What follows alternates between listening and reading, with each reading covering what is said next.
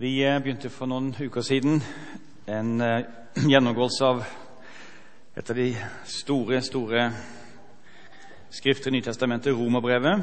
Vi skal ikke ta vers for vers og et eneste bidige avsnitt, men vi skal ta de store og viktige passasjene for dere som er nye lyttere.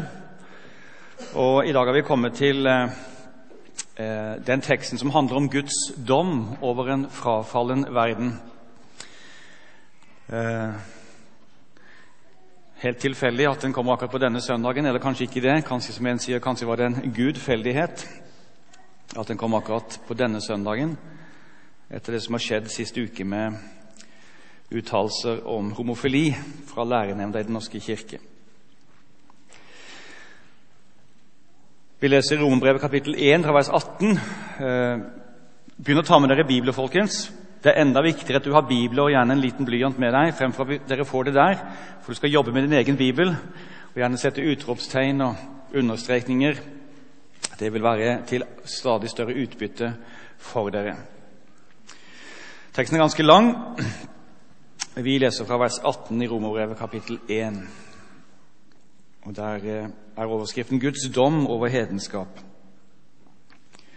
Guds vredesdom åpenbarer seg fra himmelen over all ugudelighet og urett hos mennesker som holder sannheten nede i urett.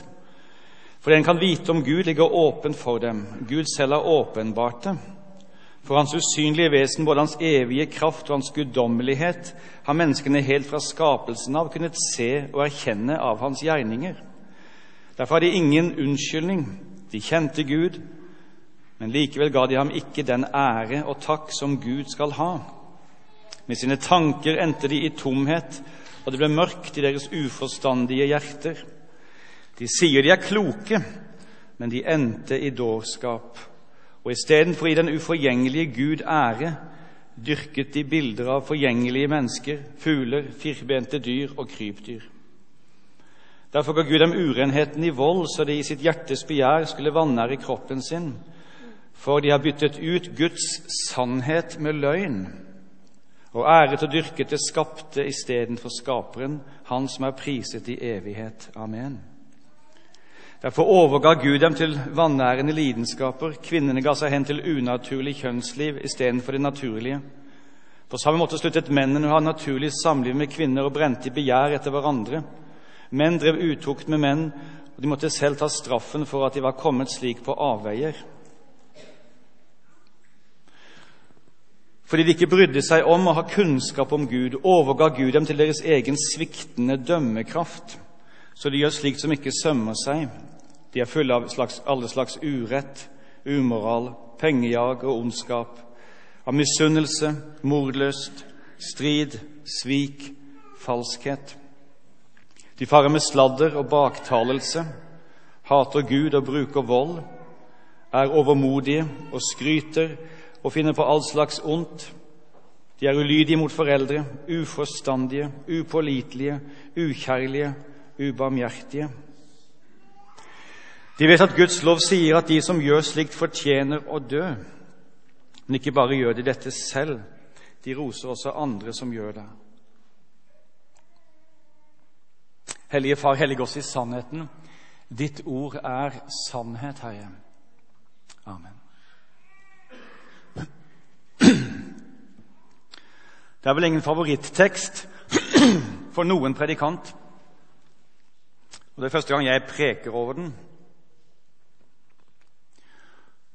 Og det er ikke hva vi liker å høre. Men det er jo ikke det avgjørende, hva vi liker å høre.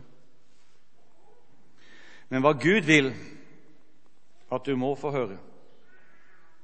Og vi trenger å høre for å bli frelst. Og Bare på det grunnlag som denne teksten gir oss, kan vi rett forstå hvorfor Jesus måtte dø. Nei, det er ikke det vi liker å høre, fordi som det står her, vi så lett holder sannheten nede. Den sannhet som er åpenbart for oss i Den hellige skrift. Guds sannhet har trange kår i menneskenes hjerter. Slik var det da. Slik er det i dag. Vi fortrenger det vi ikke liker å høre, det vi nesten ikke orker å høre. Akkurat som mennesker som kjenner på at de antagelig har en, muligens en dødelig sykdom. Man kjenner symptomer både her og der, men det verste man kan tenke seg, er å gå til legen for å få det virkelig avslørt at slik er det. At man kanskje er syk til døden. Ja, selv leger har dødd av den grunn, har jeg hørt. De kjente symptomene altfor godt, men ville ikke gå for å få det endelig avklart. Nesten ingenting der av det som Paulus skriver her om oss mennesker, er ukjent for oss.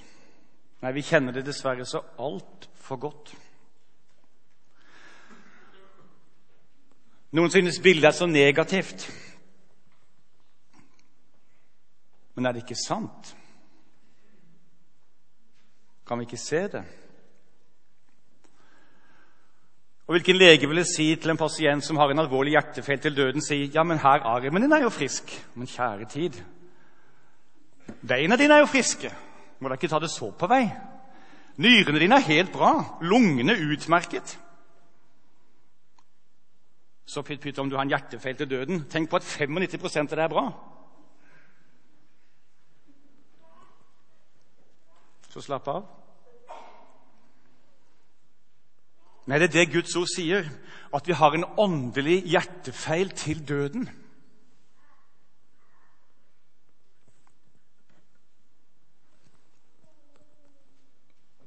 Og Hvis ikke vi skjønner det,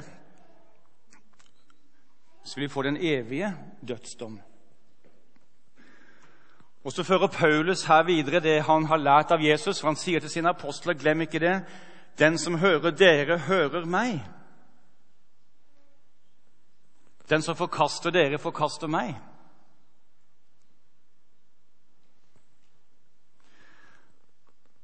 For det Paulus lærer, det hadde han lært av den Kristus som åpenbarte seg for ham.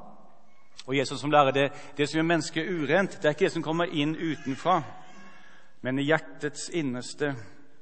Der bor det som gjør mennesket urent. Hor, svik, løgn, mordlyst, hat.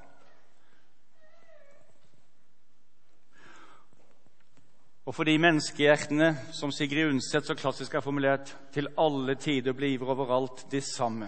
Menneskehjertene til alle tider blir overalt det samme. Derfor kjenner også vi så altfor godt det Paulus her skildrer. Det er der overalt. Er du ikke sikker på det? Om du går til Kina, Latin-Amerika, USA, Norge, Holland, Frankrike Du vil overalt finne mord og svik og hat og misunnelse og løgn og bedrag og svake mennesker. Er du i tvil om det? Nei.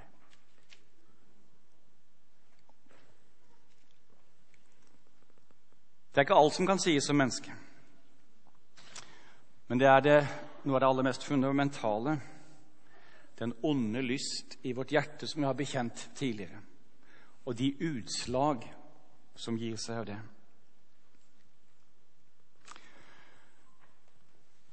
Paulus kjente sin samtid, vær sikker på det. Han var med å ta et par eksempler. Han var med å plante menigheten i Rom. Mine barn, sier han der, som jeg har født. Og Vi leste nylig en interessant teologisk artikkel om hva vi vet i dag om f.eks. Korint og Rom. Og en, eh, en eh, en lærer på Menighetsfakultetet, for dere som måtte kjenne miljøet der, Bjørn Helge Sandve, gresk ekspert og veldig kjenner av samtiden. Han skriver at skal vi beskrive Korint sånn, ut fra det vi kjenner i dag, så må vi si at Korint på Paulus tid var en slags blanding av Los Angeles, Las Vegas og New York i sin stil. Et utsvevende liv, et utagerende liv. Og man skapte til og med på den tiden et spesielt uttrykk å leve korintisk. Så du lever korintisk, du. Der var du temmelig Hei, hallo, altså. Og det var, et, det var et slagord. Kan, det er mange som ikke kommer vel fra et besøk i Korint. Han skriver til menigheten i Rom. Vi kjenner fra Romerriket på den tid svært godt. Homoseksuelle forhold var svært utbredt, både i sin heterofile og homofile, nei, lesbiske utgave. Også trofaste lesbiske parforhold var ganske utbredt. Seks med unge gutter var vanlig. Den romerske filosofen Seneca holdt seg med det og ble refset noensinne samtidig at han gikk for langt. Og Nero holdt to ganger bryllupsseremonier med menn i full offentlighet.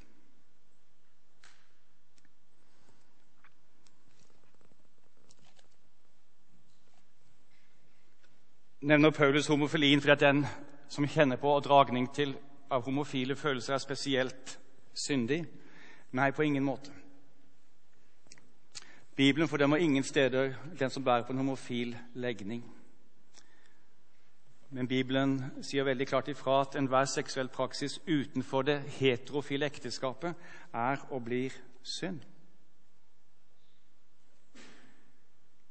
Jeg skal komme litt tilbake til det.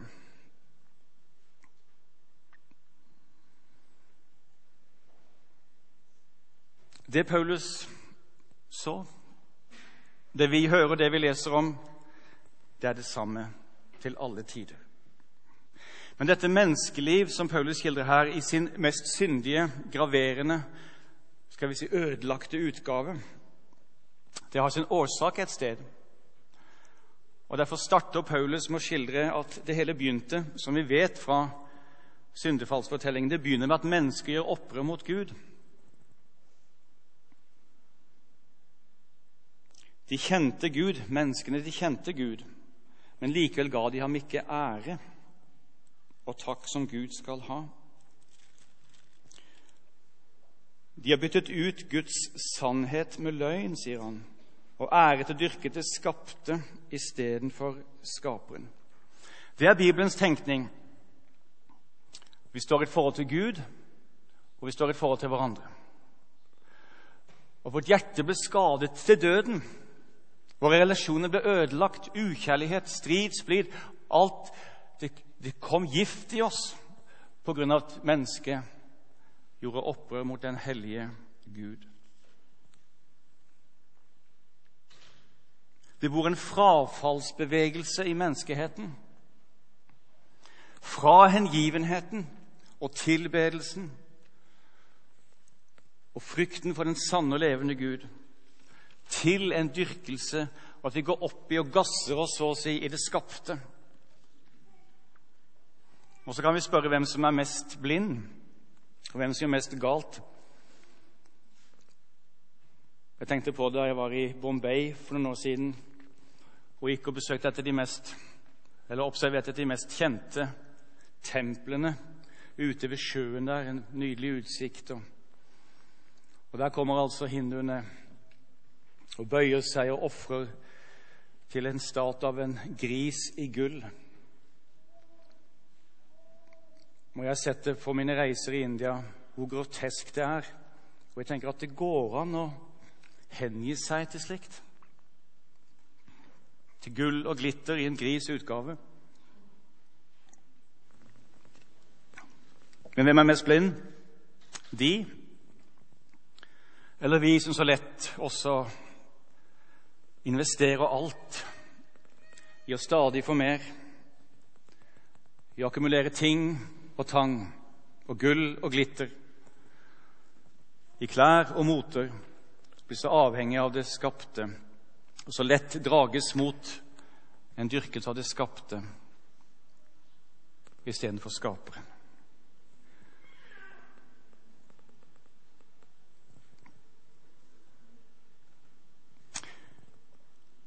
Og så er det der det starter, sier Paulus at mennesket æret og dyrket skapningen istedenfor skaperen.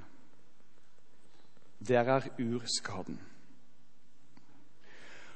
Og Det igjen fører til at mennesket at vi mennesker blir forvridd og ødelagt så lett i de andre forhold. Og Så begynner Paulus med å skildre Seksualitet på avveie. Å, ikke nå igjen, tenker du.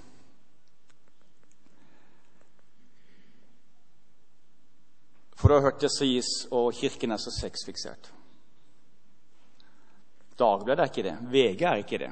Ukebladene er ikke det. Se og Hør er ikke det. Hjemmet er ikke det. Alles er ikke det. Nei da. Selvfølgelig er vi opptatt av sex. Hvorfor det? For få ting får så store konsekvenser i livet som hvordan vi forholder oss til et annet kjønn. Er det ikke slik? En hånd i været. Den som ikke er opptatt av sex, skal ikke rekke opp hånden.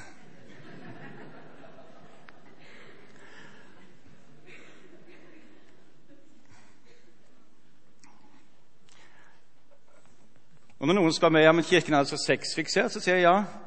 Selvfølgelig er jeg opptatt av seksualitet og samlivet mellom kjønnene. Forholdet det er jo så avgjørende for våre liv. Det er så avgjørende for kulturen. Er det ikke det? Og hvor mange menneskeliv er ikke gått, er mennesker har ikke kommet til stor smerte og vonde fordi man handlet galt på det seksuelle området? Et øyeblikks fall, og livet er preget av det. Kanskje resten av livet.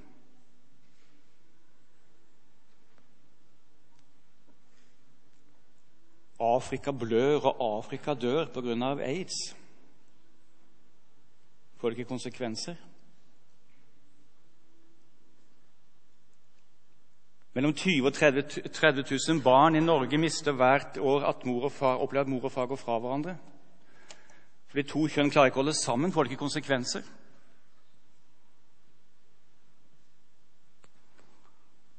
Bekjenn frimodig, dere. Selvfølgelig er jeg opptatt av seksualiteten. Det er jo så grunnleggende i livet. Hvordan du lever der, med eller mot Guds vilje, får store følger for ditt liv.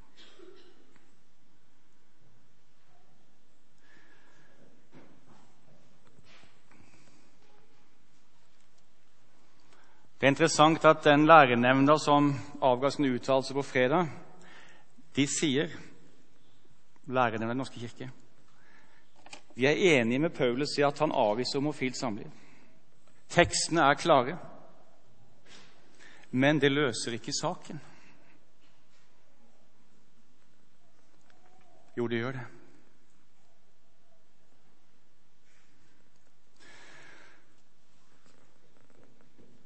For den som sier at det Paulus sier, det er nok så, men vi kan ikke følge det, vil gjøre seg klokere enn apostelen. De sier de er kloke, står det i teksten. Og Jeg undrer meg på hva som skjer i dag, når prester, og teologer og biskoper kan få oss til å si at det som Skriften sier, det kan vi ikke følge. Man tror vi er i den tid som Skriften selv sier, fordi de ikke tar imot kjærlighet til sannheten overgir Gud dem til et sinn som intet duger, for de tar feil og far og vil, for de ikke kjenner Skriftene. Vi må være det folk som bøyer oss for Guds ord i alt hva det sier. Og vi må være det hellige folk som bekjenner vår tro ved å lyde Hans ord.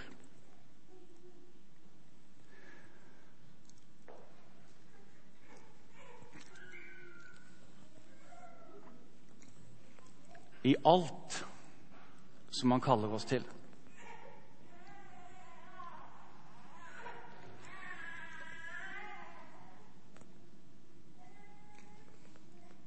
Går noen av oss fri?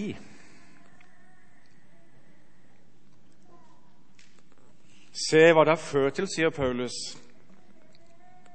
at vi har falt fra den levende Gud. Der er pengejag.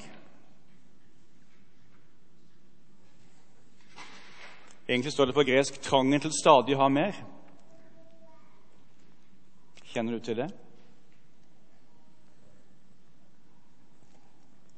Det er misunnelse. Kjenner du til det? Det er falskhet. Kjenner du til det? De farer med sladder. Kjenner du til det? Der er baktalelse. Har du noen gang baktalt noen?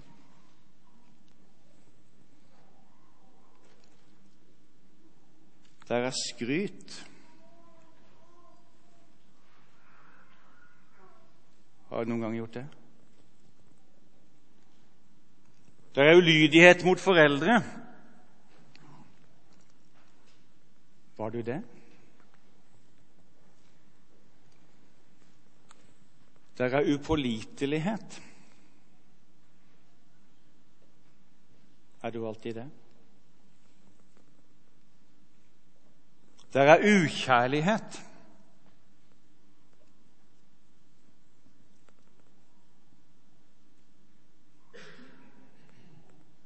Hvor ofte var ikke det?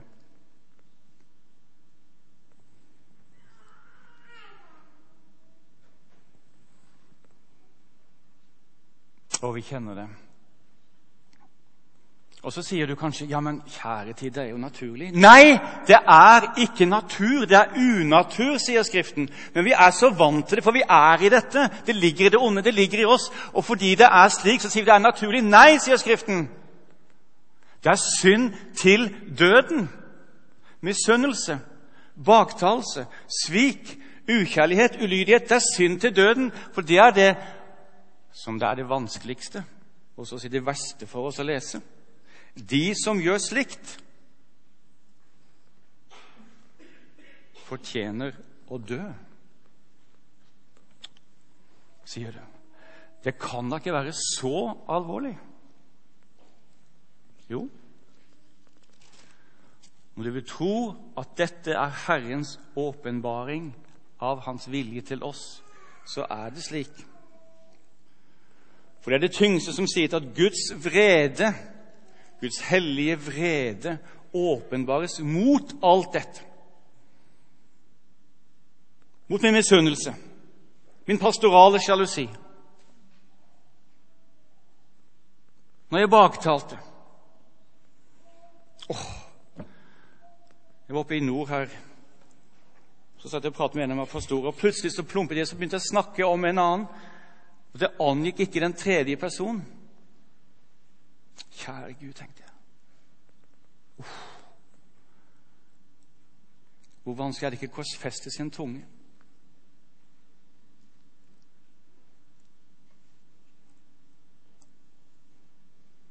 Hvem går fri? Men det er det verste. At alt dette provoserer den hellige Gud.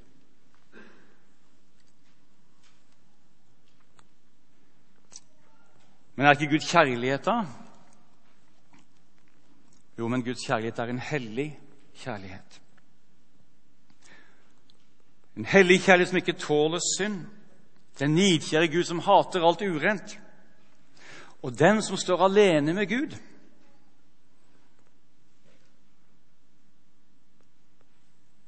Møter ham alene med alt dette i deg? så er vi fortapt til døden.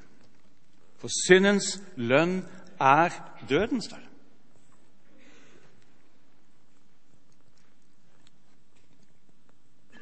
Og så ser vi profeten Jesaja som et urbilde på den som står alene med sin synd foran Gud. Når han går inn i tempelet i Isaiah, som det skildres i Isaiah 6. Og Herren åpenbarer seg for ham, for han hører serafen synge 'Hellig, hellig, hellig er Herren Sebaot'. Og i samme stund så sier Jesaja, 'Ved meg, er fortapt for en mann med urene lepper'. For jeg er en mann med urene lepper. Min leppe var uren senest for en uke siden. Når var din uren leppe sist uren?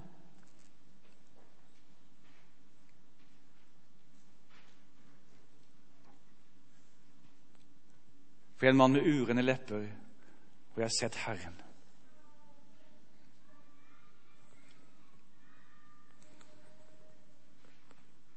Men så er det at en av serafene vet dere, henter en groende sten fra sonofferalteret, bringer denne stenen, som så er bærer av soning, og rører ved ham og sier, Se, denne har rørt dine lepper, din synd er sonet, din gjeld er betalt.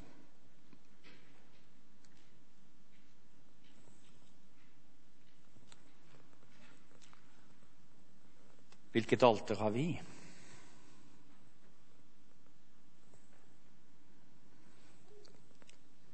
Gudskjelov,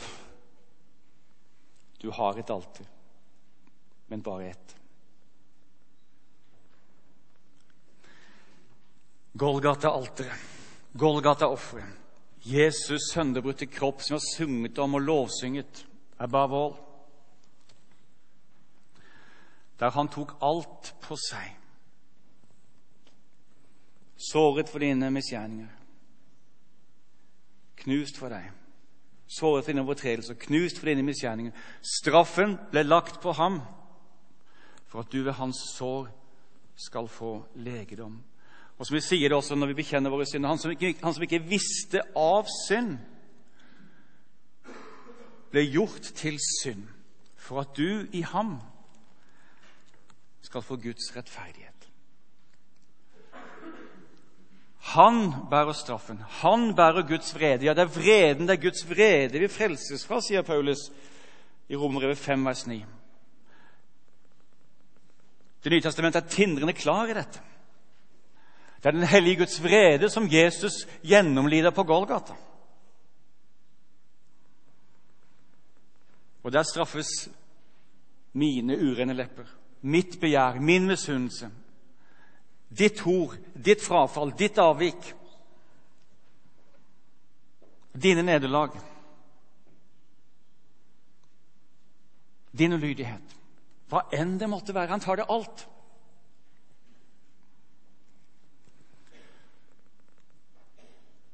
Og så er det slik at der, og bare der Ved å ta imot det som rekker seg fra det alteret fra Golgata, kan vi reise oss og gå tilgitt og fri ut i verden.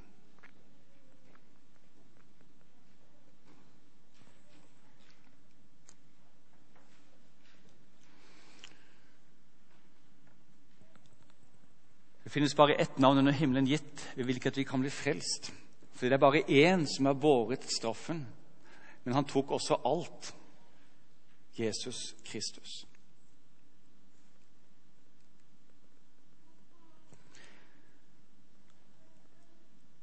La oss gå til det hellige Golgata-alteret. La oss gå til vår frelse Jesus Kristus. Og hva gjør vi så når vi har kommet til ham med våre synder, med våre nederlag? Skal vi da fortsette som før? Vi kan aldri fortsette som før. Og vi kjenner det. Vårt hjertes urenhet ligger der enda. De onde tanker vil presse seg på. Misunnelse, baktalelse, begjær. Vi må kjempe mot det, alle sammen.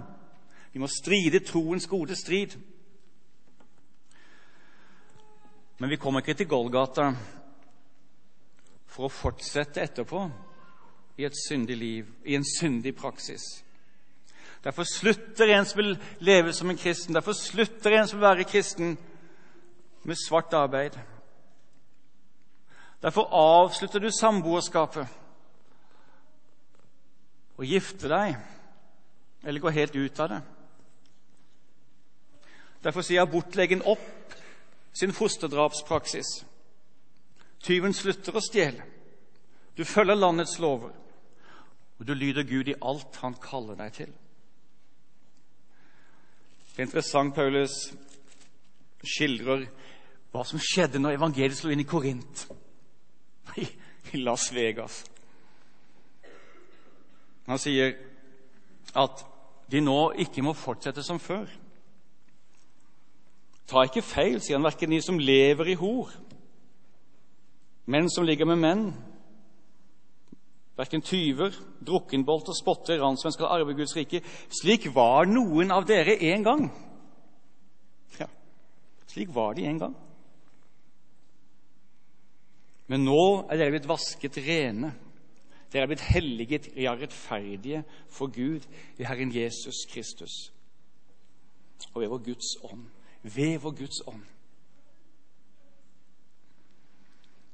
For det er det som er saken. Han ikke bare kommer Jesus for å tilgi, men han sender sin ånd i våre hjerter og kaller oss til et nytt og rent og hellig liv. Og hva angår dette med gjenopprettelse av seksualitet, dette med å sette fri dem som sliter med eh, homofile følelser, kom på seminaret med Stein Solberg i slutten av mars. Det er også en, tror jeg, en gudfeldighet at vi skulle ha Stein Solberg og, og, og hans team da. Han eh, arbeider i noe som heter Living Waters, en stor bevegelse internasjonalt som hjelper homofile som vil leve etter Guds ord, til frihet. Noen av dem opplever at de blir satt helt fri og kommer inn i normale forhold. Andre får kraft til å leve rent. Eh, da jeg var på Willow Creek-konferansen i Stavanger i, i, høst, så traff jeg vår pastor i Oslo Østre Frikirke, Jens Fredrik Brenne. Han hadde vært på eh, Living Waters-konferanse i Irland i sommer. Han sa Thomas, det er noe av det flotteste og sterkeste jeg har opplevd i hele mitt liv. Å møte mennesker som har levd i sus og dus. Og så har de fått møte Jesus. Og så har de fått hjelp til seksuell gjenopprettelse. Å høre dere vitnesbyrd og deres bekjennelse til Jesus og den nye renhet han kaller oss til, det var fantastisk. Så merk deg det i programmet som kommer i slutten av mars. Det vil være til tro og til trøst og til hjelp for oss alle.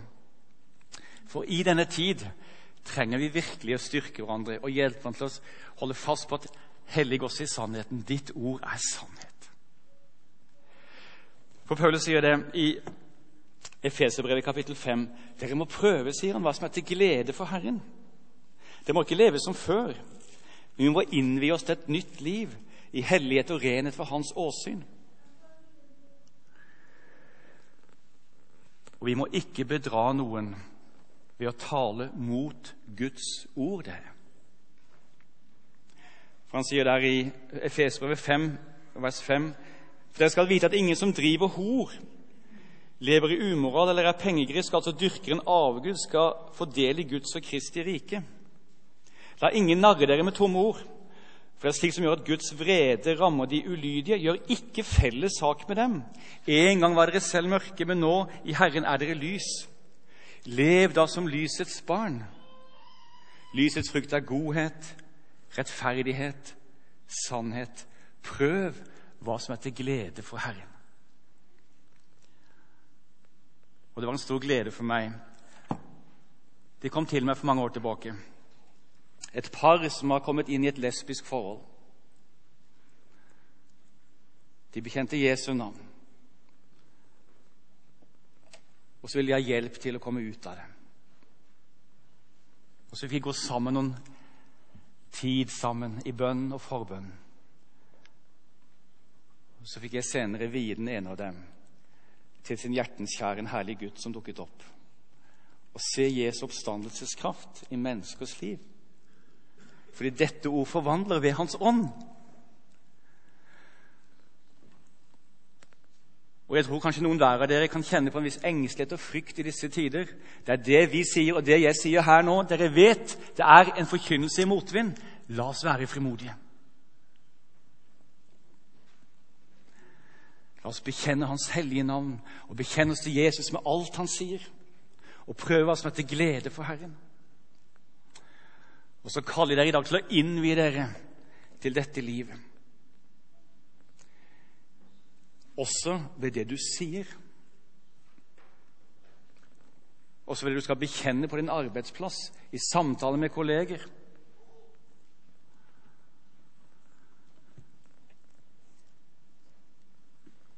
Og rope ut over all menneskelig synd det herlige Jesu navn. Det nåde som kommer deg i møte fra Golgata, og den kraft til et nytt liv som bare Jesus og Han alene kan gi. Vær da hellig i all deres ferd, liksom Han som kalte dere, er hellig. La oss være stille for Herren.